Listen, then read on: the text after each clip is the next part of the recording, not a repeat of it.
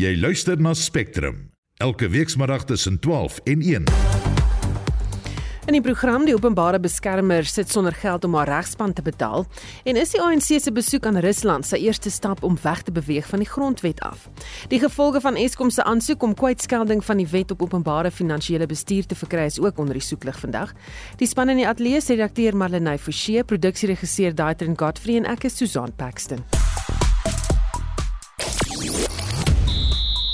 Die afskoptye vir die Sharks, Stormers en Lions se kwartfinale in die Europese kampioene en uitdagbekers word bevestig.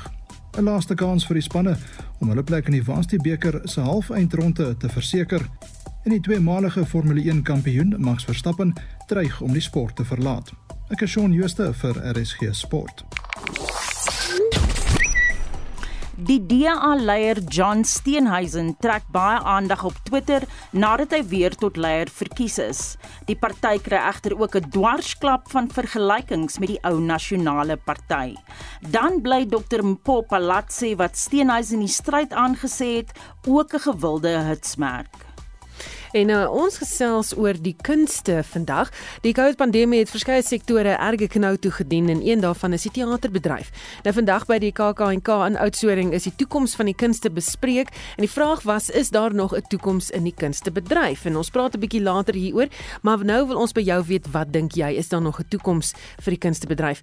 En uh, sou jy jou kinders aanmoedig om die bedryf te betree of dink jy dit moet aangevul word met 'n alternatiewe bron van inkomste? Jy kan uh, saamgesels met 'n SMS, uh, dis se 45889 teen R1.50 per SMS of praat saam op Monitor en Spectrum se Facebookblad.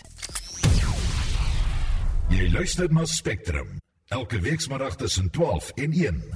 5 minute oor 12. Die openbare beskermer advokaat Bosisiwe Mqobani sit sonder 'n regspan om haar te verteenwoordig nadat haar kantoor besluit het om nie meer haar regskoste te dek nie.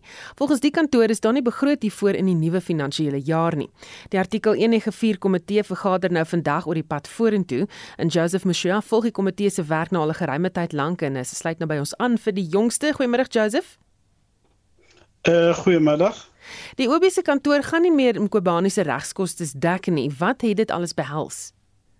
Yes, uh, what, what, it means now is that uh, the, the, the committee is stuck uh, because Mkwebane refuses to take part in the in in the committee meeting uh, in the hearing because she says the constitutional court declared that she has she's entitled to full legal representation. So on Friday, uh, Dalim Pofu and Mkwebane indicated that uh, the legal representative's mandate has ended because if they are not going to be paid according to the letter from acting public protector, then they should uh, they, they, they are not going to be uh, taking uh, part. So this morning the hearing started, but then it, after objections from Kwebane, who said she's here, but she is it's, it's unfair for her to to, to participate because she does not have legal representation.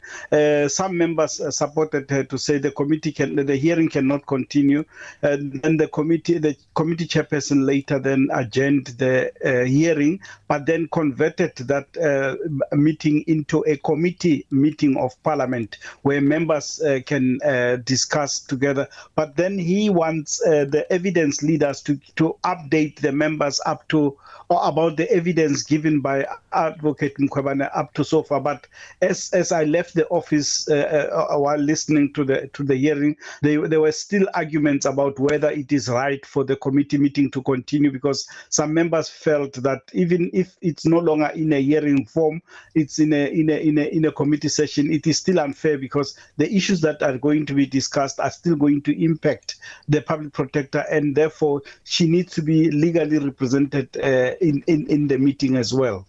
So gaan hierdie uh, jy weet vergadering of verhoor dan nou voort.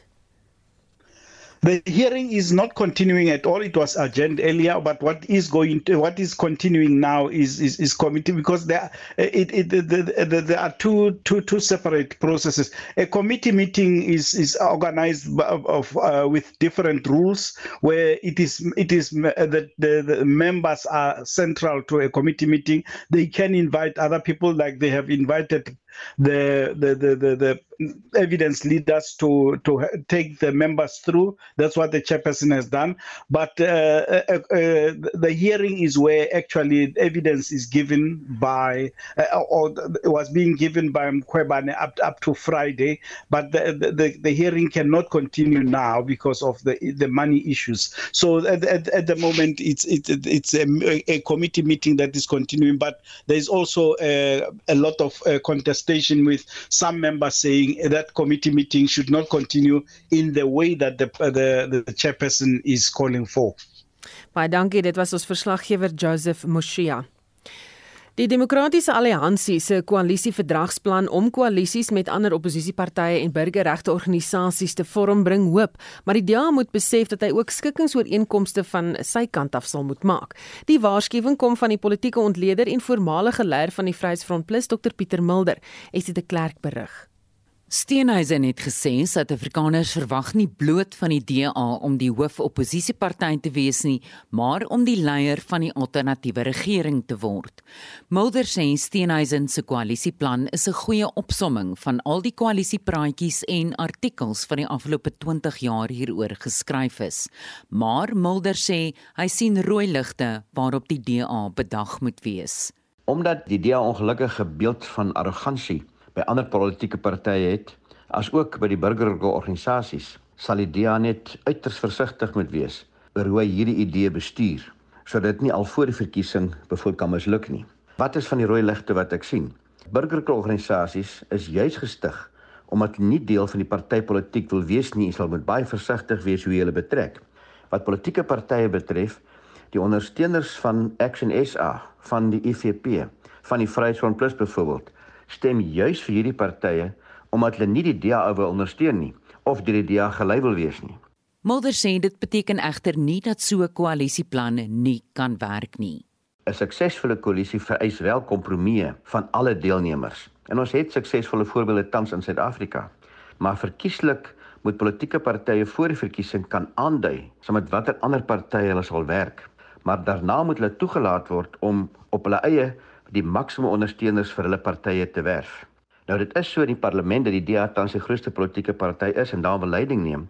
Maar dis nie outomaties dat alle partye hierdie leiding sal aanvaar nie. Onthou Action SA het nog nie aan 'n nasionale verkiesing deelgeneem nie en so sy krag getoon dat mense kan weet uiteindelik nie. So burgerorganisasies kan oortuig word om 'n breë koalisie te ondersteun sonder dat hulle self noodwendig aan een party sal vasmaak. So ek dink die DA sal moet aanvaar dat kompromieë van sy kant uiters nodig sal wees en dat die werklike onderhandelinge eers na die verkiesing sal kan plaasvind as die uitslag in die posisie vir al die partye duidelik is. Maar dat so 'n plan hoop gee en Suid-Afrika hoop nodig het, daaroor is daar by my geen twyfel nie. Dit was die politieke ontleder Dr Pieter Mulder en ek is Estie de Klerk vir SAK nuus. Ons bly by politiek. Die nuwe burgemeester van die Ekurhuleni Metro, Sivile Ndukwana van die African Independent Congress sê hy gaan dienslewering verbeter. Die vorige burgemeester, Tanya Campbell, is donderdag deur middel van 'n mosie van wantroue uit die kussings gelig. In the election of the executive mayor of the city of Ekurhuleni we had a total of 230 ballots printed. The results Alderman Tanya Campbell, 7 5. Councillor Sivuyile Ngotwana, 1 2 9. Volgens oppositiepartye het sy nie dienste aan inwoners gelewer nie. Ngodwana wil dit verander. The other reason why residents feel neglected is that they don't see their government. They will complain about the issues in the townships, for example. But if I'm sitting here in Jimistin in this office, I already know what is going on outside there. The service, de- service delivery is continuing. We're not going to stop.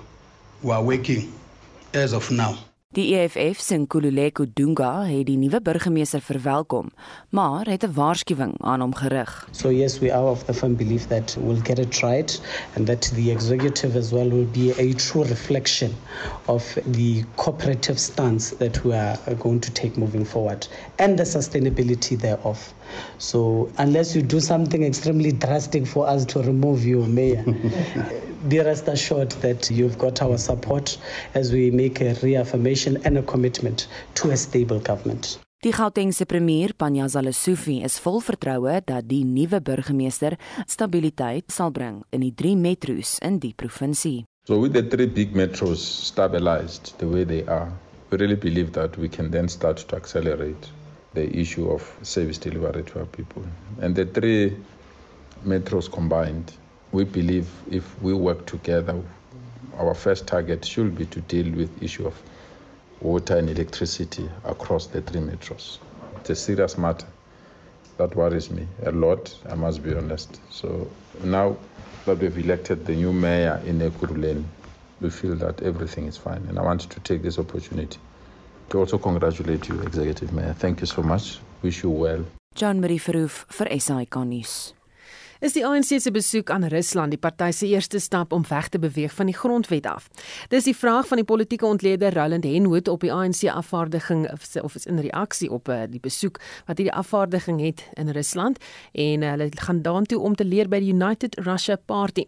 Die ANC het bevestig dat die adjunkvoorsitter van die werkskomitee vir internasionale aangeleenthede Obed Papela en die adjunkminister van internasionale betrekkinge en samewerking Alvin Botha in Rusland is vir die doel. Ons praat nou verder met Roland Henwood Hoed, dosent in politieke wetenskappe aan in uh, Universiteit Pretoria hieroor. Uh, Goeiemôre Roland. Goeiemôre Susan. Watter voordele hou die besoek vir Suid-Afrika in? Ek dink dit gaan afhang van hoe mense kyk na Suid-Afrika in die konteks van die res van die wêreld, maar ook hoe mense kyk na wat Suid-Afrika se spesifieke behoeftes op die stadium is. Ehm um, betrekking met Rusland is niks nuut nie. Dit is histories trek dit baie ver terug vir die ANC, maar ook vir Suid-Afrika as staat wat al sedert 19 die vroeë 90s ehm um, formele diplomatieke bande met ehm um, Rusland het. So dis niks nuut nie. Ek dink wat wel belangrik is is die konteks waarbinne ons regerings ehm um, verbintenisse het en ANC partyverbintenisse het met die regering en met die partye in Rusland. En dit kan nogal belangrik wees om na daardie detail te gaan kyk. So watse boodskap stuur die ANC politieke elite uit as hulle hierdie tipe besoeke aflê? Ek dink daar's twee boodskappe wat uitgaan. Die ANC bevestig sy besondere beskouing en sy unieke wêreldbeskouing en oriëntering Maar die ANC op die stadium is ook besig om nie net die party nie, maar ook Suid-Afrika ten nouste te verbind met dit wat Rusland en wat Putin besig is om te doen. En ongelukkig kan 'n mens nie 'n onderskeid tref en sê Putin is nie Rusland nie. Op die stadium is dit wat Putin doen, dit wat Rusland doen en Suid-Afrika ten spyte van al die versekerings van neutraliteit en dat ons nie kant kies nie, is besig om Rusland eintlik tot 'n baie groot mate ten nouste met Suid-Afrika te verbind en in daai sin dink ek Suid-Afrika aandadig te maak aan dit wat Rusland byvoorbeeld besig is om in die Oekraïne te doen. So ons kan nie meer sê ons is neutraal nie. Wel ons kan sê ons is neutraal, maar ons aksies dui dit nie aan nie en dis dood eenvoudig omdat ons al hoe meer optree in samewerking en baie na aan Rusland en niks doen om die teendeel te wys en te wys dat ons ook byvoorbeeld soortgelyke optrede gaan loods byvoorbeeld in die Oekraïne nie. Suid-Afrika doen net gewoon niks in die verband nie. Hoekom beskou jy hierdie besoeke as die ANC se eerste stap om weg te beweeg van die grondwet af?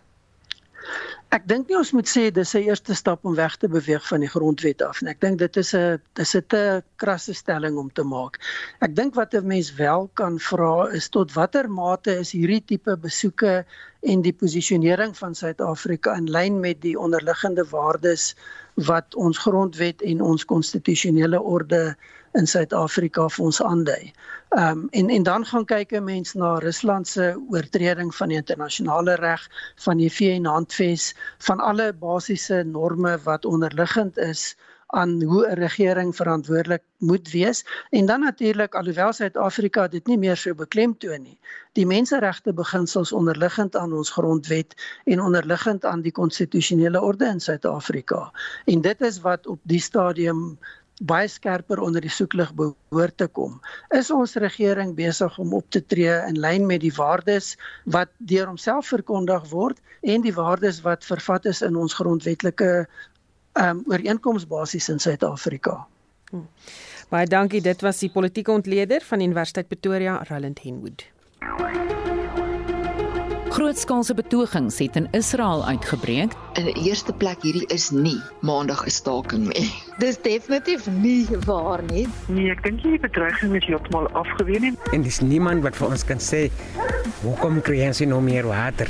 Ministers wat in daardie portefeulje was, nie meer as 30% van hulle teikens bereik nie. Brandpunt 'n fokus op al die nuusgebeure van die dag. Weksmiddag tussen kwart voor 6 en 6 uur net op RSG. Spectrum, jou middagnuusprogram op RSG.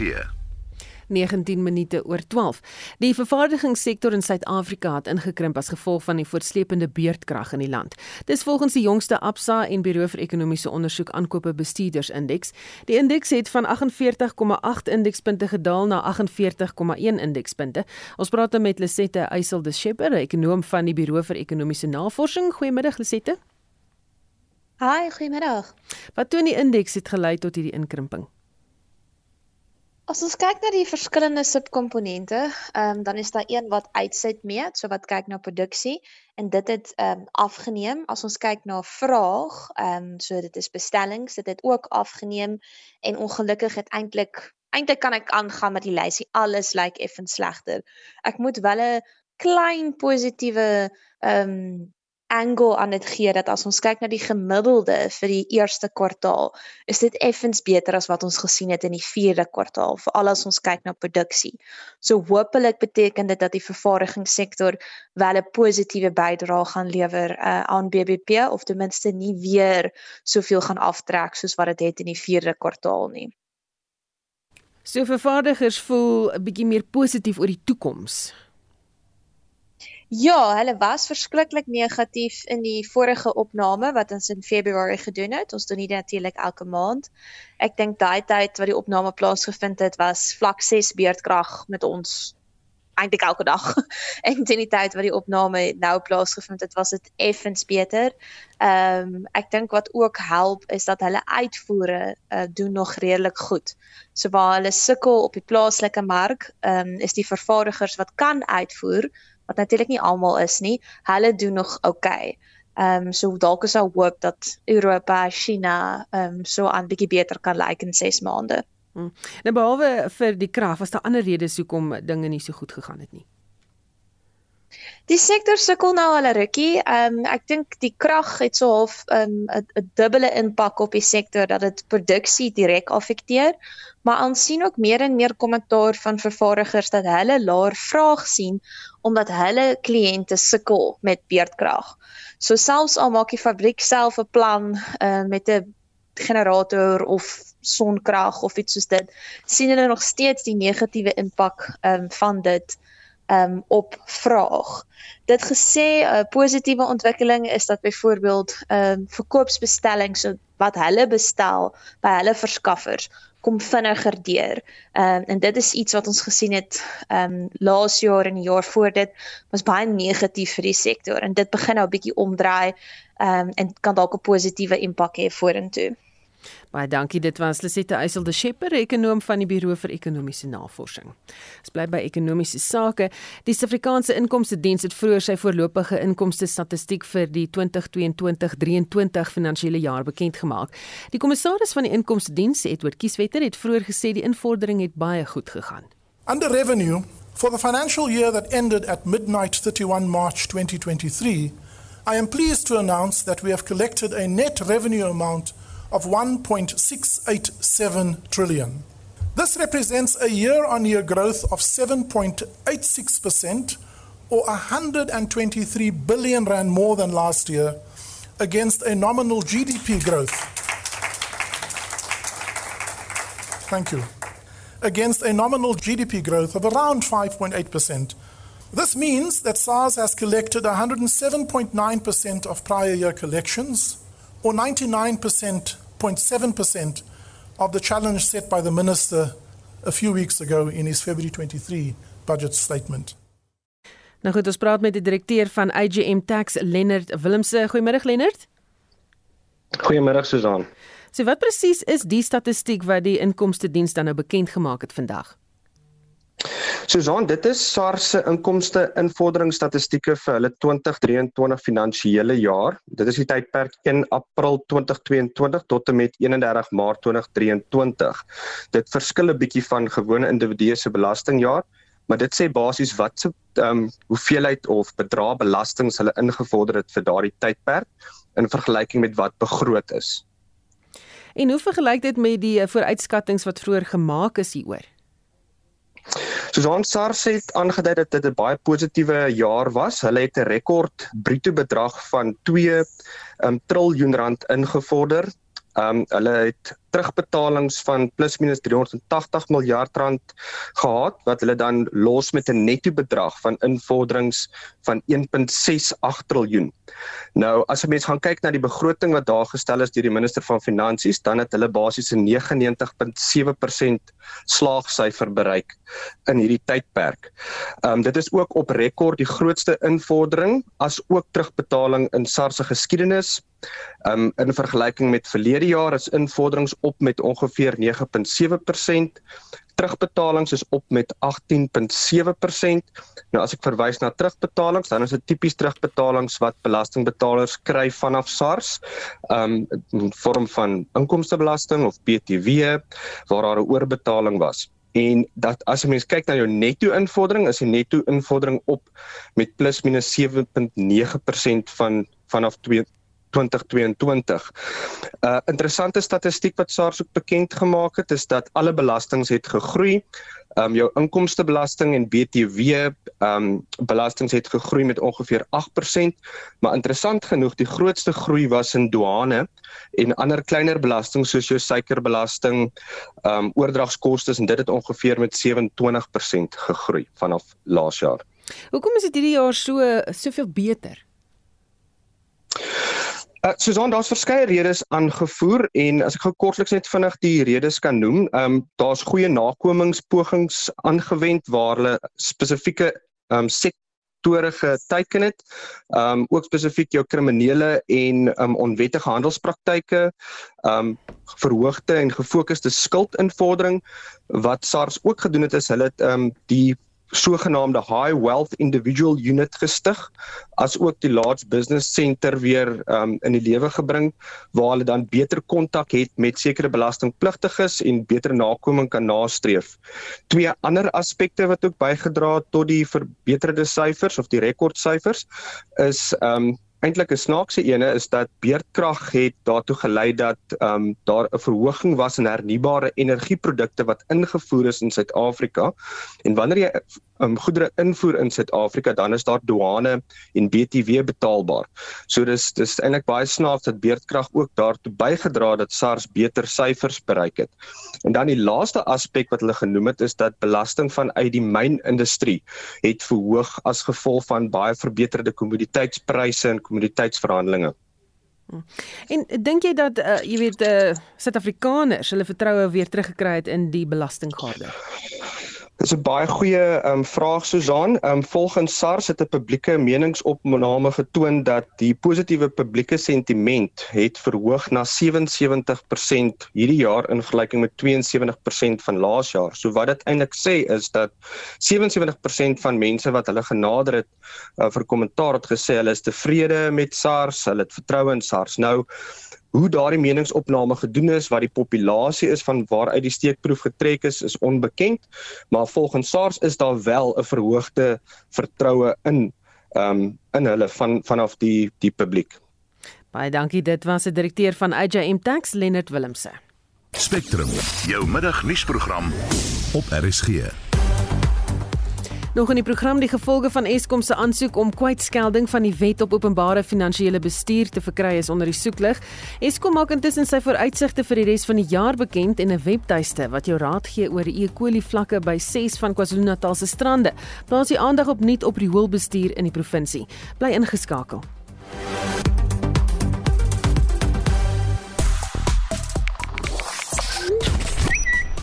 Eskom is 'n hitsmerk wat oor en oor getweet word na die besluit dat die kragvoorsiener kwyt geskeld word van die beperkings van die wet op openbare finansiële bestuur. Dan is die sokkerklub Chelsea ook in die nuus nadat hy sy afrigter Graham Potter in die pad gesteek het.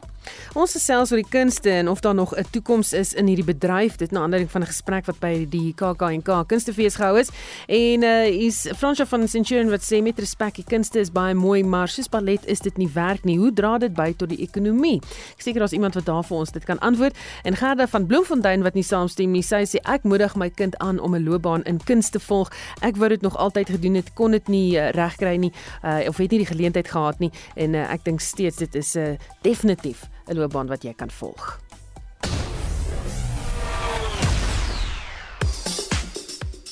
Hier sien jy net met die dag se sportnuus. Op die rugbyveld is die afskoptye vir die naweek se kwartfinale in die Heineken Kampioenebeker en Europese Uitdagbeker toernooie bevestig. In die Kampioenebeker meet die Sharks Saterdagmiddag 4uur in Frankryk teen Toulouse en die Stormers daarna om 07:30 in Engeland teen Exeter Chiefs kragte. Direk daarna, dis om 9uur, sê die Lions die Glasgow Warriors in Skotland in die Uitdagbeker die stryd aan. Die laaste groepswedstryde in die Waastie bekerreeks word ook vandag afgehandel. Die CUT Ixias draf vanmiddag half 4 in Bloemfontein teen die UCT Aantjies op die veld uit. En vanaand 7uur kom die Maties in Stellenbosch teen die Shimlas, Tikkies in Pretoria teen UJ en Wits in Johannesburg teen die Noordwes Arende te staan. Die Arende is reeds verseker van die eerste plek op die punteleer.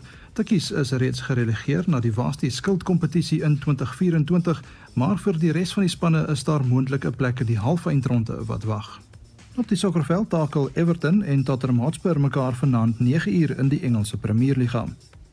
Tottenham beoog om in die top 4 in te skuif en Everton wil uit die relegasiesone beweeg met 'n goeie vertoning. En op die cricketveld pak die Chennai Super Kings en Lucknow Super Giants mekaar vanmiddag 4uur in die IPL reeks. Dit is beide spanne se tweede wedstryd. En laastens in motorsportnuus. Die huidige voorloper in die 2023 Formule 1 reeks, Max Verstappen van Nederland, dreig om die sport te verlaat indien die beheerliggaam, die FIA, nog veranderinge aan die kortafstandwedrenne, die sogenaamde sprintreise, maak. Die kortafstand wedrenne is in 2021 bekend gestel met 3 wedrenne op Saterdag, maar is nou in 2023 na 6 verdubbel.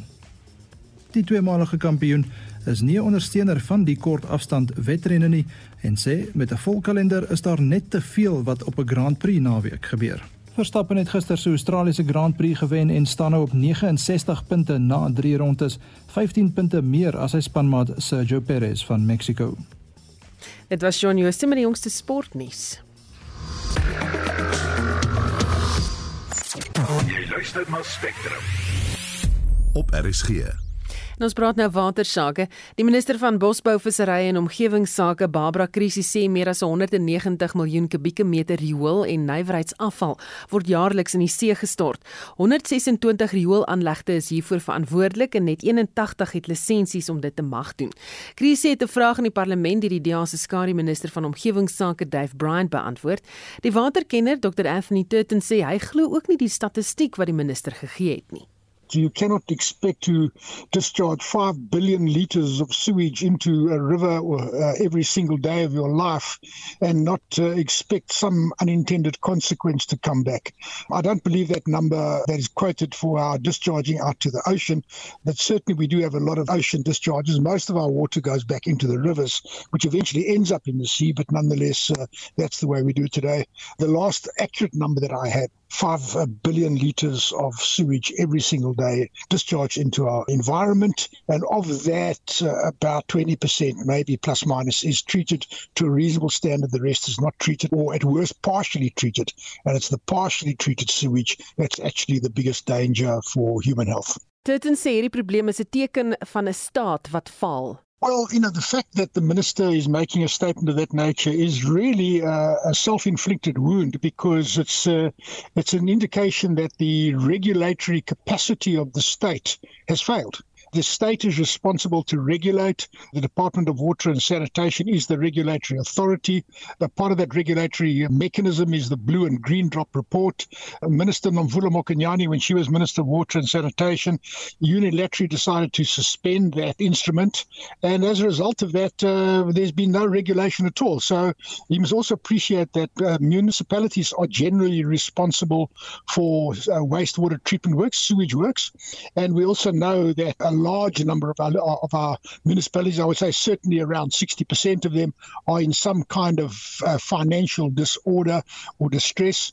And um, given that they are responsible for the management of wastewater, they are unable to do it and they have not been regulated. So this thing has just been getting worse and worse and worse. Dit en sê die uitbreking van kolera in Gauteng is maar nog net die begin van die probleme wat water betref. The range of problems that can come from this are very, very widespread, way, way, way beyond cholera, because we're talking about a whole range of other pathogens. Like, so you know, I don't want to be alarmist or anything like that, but it's important that people make an educated decision about you know their own personal livelihoods. And the most important thing is that all of our bulk water treatment works in South Africa are not designed to take sewage, partially treated sewage, and turn it into potable water. That's the important point of departure. So that's even the most sophisticated of our bulk water treatment plant, Rand Water, and places like that. These are extremely sophisticated. I'm gaining Water. These are very sophisticated uh, entities. Even they do not have the capacity to treat sewage contaminated water to potable standards. Why is this important? Well, it's important because within that water that they're taking from the river that's contaminated by sewage, you have a range of other chemicals in the water. So let's quickly unpack those chemicals. Some of those chemicals are antibiotics, partly metabolized antibiotics. So we are breeding antibiotic, multi drug resistant pathogens uh, within our dams and rivers. That's the first thing we need to understand.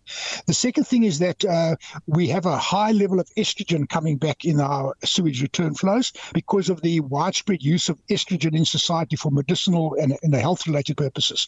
So there's low levels of estrogen that are coming back into society now. And this is a very, very important problem across the board in terms of endocrine disruption, etc. En dit was die waterkenner Dr Anthony Tutton. Terwyl die rioolbesoedeling al erger word langs die KwaZulu-Natalse kuslyn, het die Environmental Fluid Mechanics Lab 'n webblad opgestel wat mense sal raad gee oor wanneer dit veilig is om te swem in Durban. Die rioolbesoedeling word ook vererger deur die vandalisering van rioolverwerkingsinfrastruktuur en die vloede wat die provinsie die afgelope paar jaar getref het. En vir die jongste praat ons met Martin Meyer, DA lid in die provinsiale wetgewer wat 'n oog hou oor die stand van sake daar. Goeiemiddag Martin. Middag hier te sonnige KwaZulu-Natal. Ek wil dit amper nie eens hoor nie daar by die see. Sê vir my, uh, maar uh, laas keer toe ek was kon ek nie swem nie weens die rioolbesoedeling. Hmm. Hoe staan sake nou? Ja, dit lyk my of dit 'n bietjie 'n gemengde storie is tans. Ehm uh, meeste van ons strande is oop, maar dit dit wissel maar van dag tot dag. Ehm um, so dit is maar nog iets wat baie fyn gemonitor moet word. Ehm um, ek ek weet ook dat die Universiteit van Tegnologie hierso, die die UT het ook onlangs 'n 'n webbladsy ge, ge, gelons wat mense kan gaan kyk, uh, maar dit is net vir die hoofstrande. So dit is maar iets wat ons op 'n daaglikse vlak moet opvolg voor ons vir ons ons tone in die water gaan druk. Hmm. Nou was kort voor die Desember vakansie bekgeveg tussen die DA en die burgemeester van eThekwini oor wie sal in hierdie water swem of nie. Uh, sal jy nou al in die water swem? Ehm um, eerlik wees ek het nog nie as ek as die hele somerseisoen het ek nie in die, in die, in die see ingegaan het nie. Ehm um, ek ek bly in die suidekant van die stad in Manzantoti. Ehm um, ek vat my honde af gereeld af strand toe en en by van die riviere waar dit inloop kan jy maar nog steeds hier baie sterk reuk van van riool kry. Uh van die strande is wel oop hier by ons aan die suidkus. Ehm um, so dit dit is maar 'n moeilike ding. Die burgemeester het nog steeds ook glad nie geswem nie. So dit is maar iets wat mens maar ehm um, moet 'n ingeligte besluit neem. Die die nuutste resultate moet kry maar my bekommernis uh, Susan is dat die toets is nie onmiddellik nie. Ehm um, as die toets in die water gedoen word, uh vat dit tussen 24 en, en 48 uur vir die toetse om dan uh met die resultate te kom. En dit verander baie vinnig die vlakke van van ehm um, E. coli en ander ehm um, uh, infeksies in die water. So jy weet net omdat die toets nou ek sê die water is nou skoon, beteken dat toets is nou gedoen nie. Dis eintlik twee dae terug al gedoen. So dit is maar iets wat mense ingerigte besluit moet neem. Uh met mense wil ook nou nie toerisme skade doen nie want ons het so nodige toeriste vir ons hier in Durban moet kom kuier. Hmm. Is nie net die infrastruktuur in die kusdorpe wat bydra tot die besoedeling nie, maar julle is ook uitgelewer aan infrastruktuur wat stroom op in die riviere wat uitmond in die see nie werk nie. Hoe groot is die impak van dit? Ja, dit speel maar 'n groot rol. Ehm um, kyk meeste van ons ons riviere hier ehm um, loop maar deur landelike areas voor dit uh, by ons kus uitkom. So ons het nou nie groot uh, fabriekstede in die binneland nie. Dit is nou maar meestal ons ons landelike areas daar. Ehm um, maar veral waar dit nou deur ehm um, informele nedersettings loop en waar deur die fabrieke van die areas van van ehm um, Pietermaritzburg en Durban loop, word daar maar wel probleme opgetel. Ehm um, en dis ook hoekom die meeste besoedeling by die riviere hierdie kant is. Maar dit is iets wat ook baie fyn dopgehou moet word. Die riviere in Durban is nog steeds al die riviere in Durban het nog steeds gevaarlike vlakke van um, E. coli in die water. Ehm um, en, en mense sal glad nie iemand aanbeveel om in die in die rivierwater in in in die stad in te gaan nie. Ehm um, langs die suidkus is dit 'n bietjie beter. Ehm um, en sover ek weet is die noordkus se vlakke ehm um, meer beheerbaar op hierdie stadium, maar weer eens die noorde van Natal is is 'n baie meer landelike area as wat die sentrale en die suidelike deel is. Baie dankie. Dit was Martin Meyer, die lid in die provinsiale wetgewer. Nou vir goeie nuus uit die landboubedryf, die nasionale koördineerder van die nasionale dieregesondheidsforum, Marzaan Root sê, die forum verwelkom die afname in aktiewe gevalle van back and claw seer in die land. Volgens die departement van landbou is daar tans 122 aktiewe gevalle. Die nasionale dieregesondheidsforum is baie dankbaar vir die huidige stand van sake wanneer dit kom by back and seer. Die verslag wat Dinsdag ontvang is vanaf die direktoraat van diere siektebeheer by die nasionale departement, dui aan dat daar geen nuwe gevalle is nie en dat daar nie meer virus is wat sirkuleer nie. Daar word ook nou stelselmatig van die uitbreke afgesluit.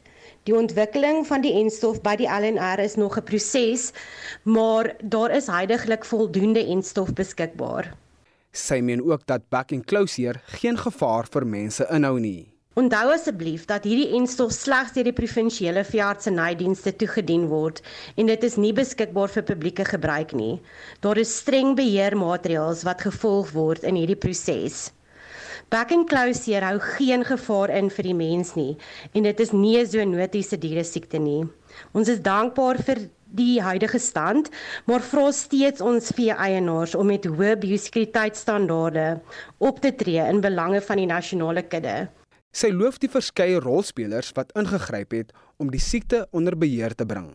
Ons is baie trots op die uitstekende werk wat verrig is deur die nasionale departement, provinsiale departemente, die industrie en die vee-eienaars op die grond. Die samewerking oor die laaste paar maande is uiters waardevol geweest. Mazen Roots van die Nasionale Dieregesondheidsforum Goed, die minister van Finansies, Enoch Godongwana, het glo Eskom se aansoek om kwytskelding van die Wet op Openbare Finansiële Bestuur toegestaan. Die wetgewing bepaal dat ministers die jaarlikse finansiële syfers van staatsinstellings binne 'n 6 maande periode na jaareinde aan die parlement moet voorlê. Die wetgewing vereis ook dat staatsinstellings eers toestemming moet kry van die relevante ministeries voordat hulle tesourie mag nader vir befondsing. Ons praat nou met professor Francis Petersen, rektor van die Universiteit Vryheid. Goeiemiddag Francis. Uh goeiemiddag Susan en goeiemiddag aan die luisteraars. In 'n tydperk wat korrupsie bestry moet word veral by staatsinstellings soos Eskom, hoekom sou die minister die kwytskelding gee?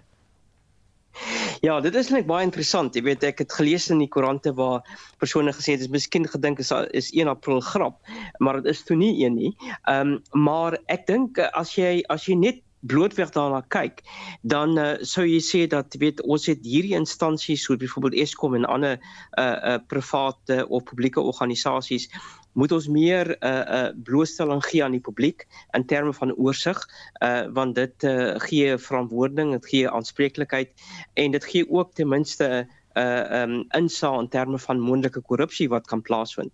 Hierdie hierdie uh uh kwytskelding uh, kan teen teen dit werk as 'n mens net so daarna kyk. Maar as ons as ons uh, uh Susan bietjie terugdink aan aan verlede jaar, was daar ook 'n tipe van 'n uh, verandering aan die aan hierdie publieke finansiële uh, bestuurswet uh vir Eskom, uh wat Eskom wat ook geteken was deur die minister van finansies en ook nasionale tesourie om Eskom uh, te help om vinniger uh, 'n meer oorspronklike komponent uh uh uh vervaardigde produkte te kan bekom van oorseese organisasies. Uh en en ek dink die argument hier is uh tot hoe mate versterk ons die Eskom balansstaat en watter prosesse uh, is is is is is is 'n plek wat daarteen kan teenwerk in terme van spoed. En en en dit is 10 teen 1 een van die van die redes hoekom ehm um, die minister wel daai goedkeuring gegee het aan die nasionale tesourie. Maar sonder sonder 'n volledige verduideliking, ek ek hoor dit kom dit sal oor 'n paar dae kom van die nasionale tesourie af, uh, kan en en ek dink is die publiek geregverdig om hierdie vrae te vra. Uh, uh want ons weet wat aangaan in Eskom en wat daar aangegaan het. En en en in in in in in 'n groter mate wil ons graag alle publieke organisasies, intendeel alle organisasies, privaat en publiek, moet verantwoording kan doen in terme van fondse wat of die aandeelhouers uh, in die privaat sektor of deur die uh, regering uh, aan hulle toegeken word. Hoe is dit gebruik? Uh, uh hoe is dit gespandeer? Uh is daar enige 'n uh, 'n uh, 'n uh, vermorsing van fondse? Was dit effektief uh aangedui? Uh, uh, so uit daai oogpunte dink ek as 'n mens so daarna kyk, uh, Susan en luisteraars, kan 'n mens dink dat dit is dit is die verkeerde ding om te doen, maar ek dink as 'n mens 'n uh, sekere ander dinge in plek stel uh, as 'n tipe van 'n 'n manier om om dit te kan bestuur, uh, soos byvoorbeeld uh dit dit sal gerapporteer word uh in die finansiële state later hmm. aan. Hmm. Ons het die die die die die die die komitee van openbare rekeninge wat ook daarna gaan kyk dan dan dan dink ek moet dit baie meer sterker na vore kom te sê dat daar is wel 'n mitigasie en oorsig komponente en strukture uh, wat net wat kan verhoed dat Eskom net sy eie ding doen uh, uh, en daarmee kan wegkom. Jy het daaraan geraak, maar Eskom kla dat uh, die wetgewing veroorsaak dat daar grootskaalse vertragings is wanneer aankope moet geskied of tenderprosesse wat gevolg moet word. Is daar ander maniere um, eerder as om hierdie wetgewing half amper te skrap uh, om oor daardie probleem te kom? Wel ek ek dink in in terme van uh um die effektiwiteit van uh, wat, wat weet baie van hierdie vertragings vind plaas in die um, in die kantoor uh en in die departement uh uh in die betrokke regeringsdepartemente uh uh waar sekere ministers moet afteken. Ek dink 'n mens kan daardie effektiwiteit verhoog uh um om te verseker dat dat die wet tog wel in plek in plek is. Maar ek dink ook uh Susan en luisteraars dat as daar 'n uh, 'n baie konkrete en 'n en 'n en 'n transparante of deursig deursigtende uh, deursiggewende verduideliking is van hoekom ons dit doen en dit is die dit is die aspekte wat ons gaan verander en wat ons verander het in die wet en dit is die ander komponente wat in plek is om te verseker dat dit waarvoor die wet wel geskryf was dat dit wel uh, uh nagekom gaan word, maar nie miskien op hierdie manier nie, maar op daardie manier. En en ja. en dis vir my amper half half 'n uh, uh, uh, stuksgewys oorgedra uh, wat vir my baie meer vrae vra as as as as as wat ek antwoorde kry. Baie dankie, dit was die rektor van Universiteit Vryheid, professor Francis Petersen. Ons bly by die onderwerp en praat nou met die onafhanklike energie um, ontleder Corneel Skambort. Goeiemôre Corneels. Goeiemôre Susan. Wat dink jy van die besluit om Eskom kwyt te skeld van die wet op die bestuur van openbare fondse? Susan, ek dink uh tongenetjies, ek dink dalk hulle probeer ons net tegemoetkom, by die oog nie sien nie maak jy hart nie seer nie. So kom ons steek net al die goeders weg, dan hoef Suid-Afrikaners nie bekommerd te wees of wat aan die gang is nie. Nee, in alle eerlikheid, ek glo daar moet deursigtigheid wees in 'n wêreld van korrupsie wat ons tans het is dit nodig dat ons weet wat aan die gang is. So ek is nie in gunste hiervan nie. Kom ons hoor maar wat sê die tesourier later vandag, maar ek dink ons het nodig en ons het die reg om te weet hoe word geld spandeer. Al is dit dan nou op vreemde maniere, dan moet ons weet hoe dit spandeer word. Eskom het intussen sy vooruitsigte vir die res van die jaar bekend gestel en die kragvoorsiener voorspel 'n opwekkingstekort van sowat 2000 megawatt vir die res van die jaar. In eenvoudige terme, wat beteken dit vir eh, Suid-Afrikaners? Ehm um, Susanna se kyk na die skets hier voor my. Hy's rooi Valentynsdag. Dis net rooi rooi rooi rooi, rooi al die pad vir 'n hele jaar. En dit beteken daar gaan ten minste vlak 2 beerdkrag wees van uh letterlik nou wat ons tans het tot en met volgende jaar maart maand dis wat Eskom self sê daar so hier en daar oor Kersfees dalk 'n week wat oranje is dis vlak 1 maar nou moet jy weet dis nie vlak 2 nie dit sê net dit gaan minimum vlak 2 wees. En as ons kyk na hierdie vooruitskatting wat hulle laas jaar November was daar 'n interim vooruitskatting daai het nog 'n groen en 'n geel hier en daar gehad hierdie een het net rooi. So dit bevestig maar net wat ons al gereeld vir mekaar sê Susan dit lyk sleg. En net om dit in perspektief te stel dat die luisteraars kan weet hoe sleg gaan dit regtig ek het gou-gou die somme gemaak. Ons gaan nie nie beurtkrag hê vir die volgende paar maande nie, maar as ons kyk na die syfers, behoort ons om en by Saterdag 10 Junie behoort ons meer beurtkrag in 2023 te gehad het as die hele laas jaar en op Vrydag 3 November ek het gaan uitwerk gaan ons letterlik in 2023 meer beurtkrag hê as wat Suid-Afrika nog ooit beurtkrag gehad het sedert 2007 met ander woorde dit dit gaan regtig sleg. Ek ek weet dit is iets wat mense nie wil hoor nie, maar dit gaan sleg en dit gaan slegter as wat dit laas jaar gegaan het en dit gaan net nog slegter gaan vir ten minste die volgende jaar en 'n half. Dan gaan Kaapstad begin uh, die week om uh, tenders uit te gee om 500 megawatt se krag um, aan weet uit die privaat sektor aan die stad te kan verskaf. Uh, die stad wil inwoners beskerm teen die eerste 4 fases van beerdkrag. Um, gaan hulle hierin slaag? Hmm. Wel dit is wat stede gaan moet doen en ek uh, salieer die mense van Kaapstad wat die insig het om hierdie tipe van dinge te doen.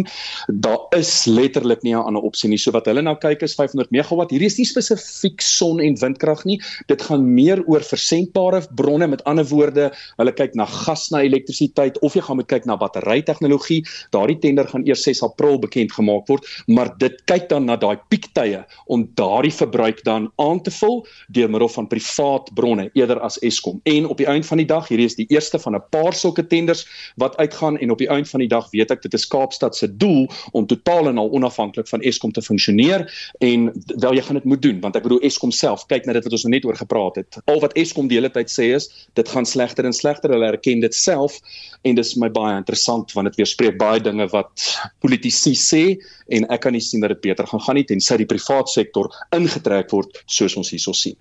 Kaapstad Metro wil dit ook in 'n baie kort tydperk vermag gaan hulle dit kan doen.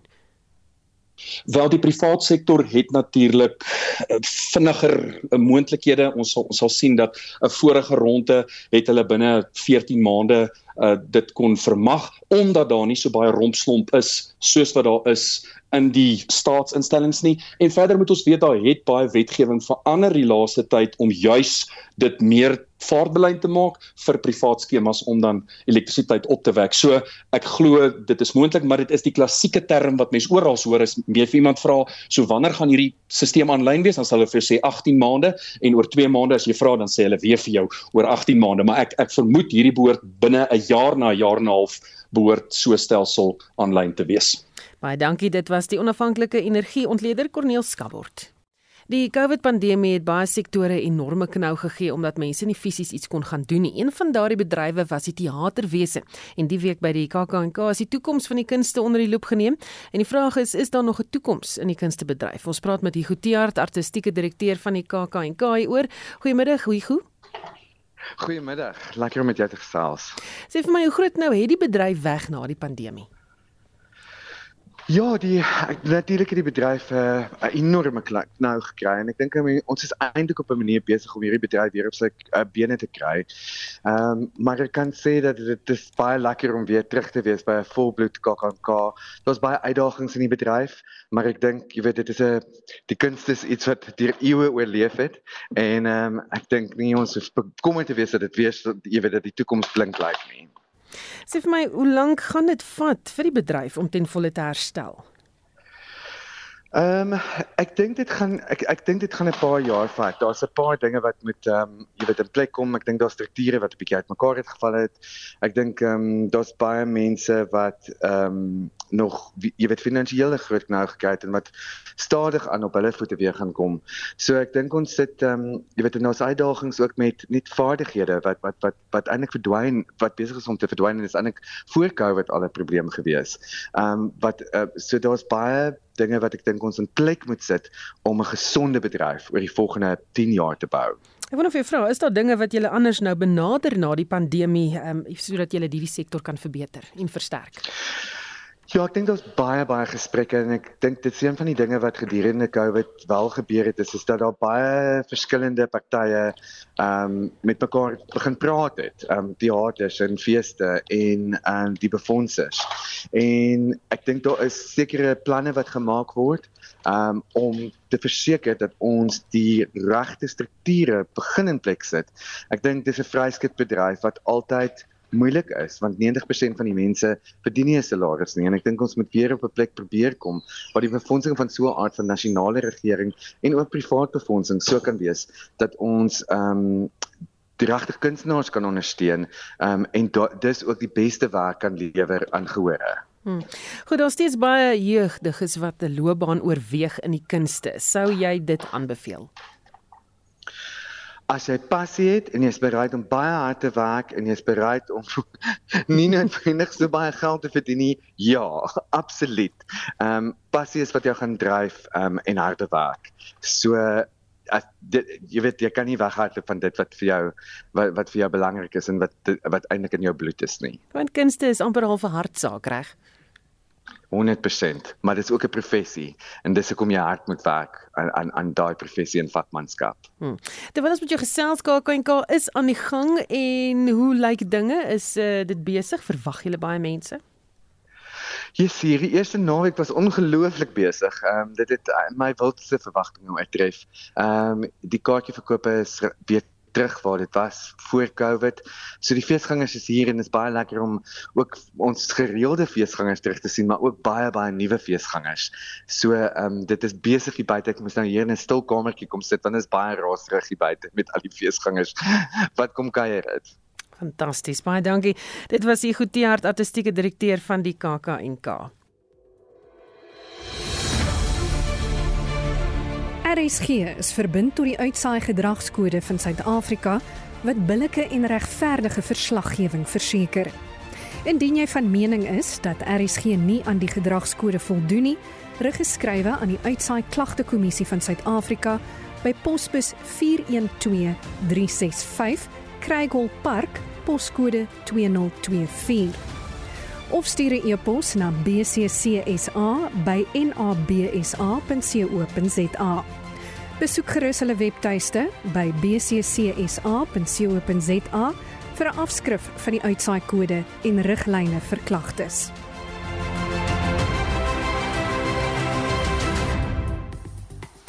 Nou ja, baie dankie dat jy saamgeluister het vanmiddag na Spectrum. Onthou al ons vorige uitsendings is op Potgooi beskikbaar. Gaan net na die RC webblad en klik daar op die Potgooi knoppie en dan soek jy vir Spectrum en dan gaan jy al die vorige uitsendings daar kry. Ons groet namens ons uitvoerende regisseur Nicoline de Weer, redakteur Marlene Forsie en ons produksieregisseur vandag Daitrin Godfrey. My naam is Susan Paxton, bly ingeskakel vir 360.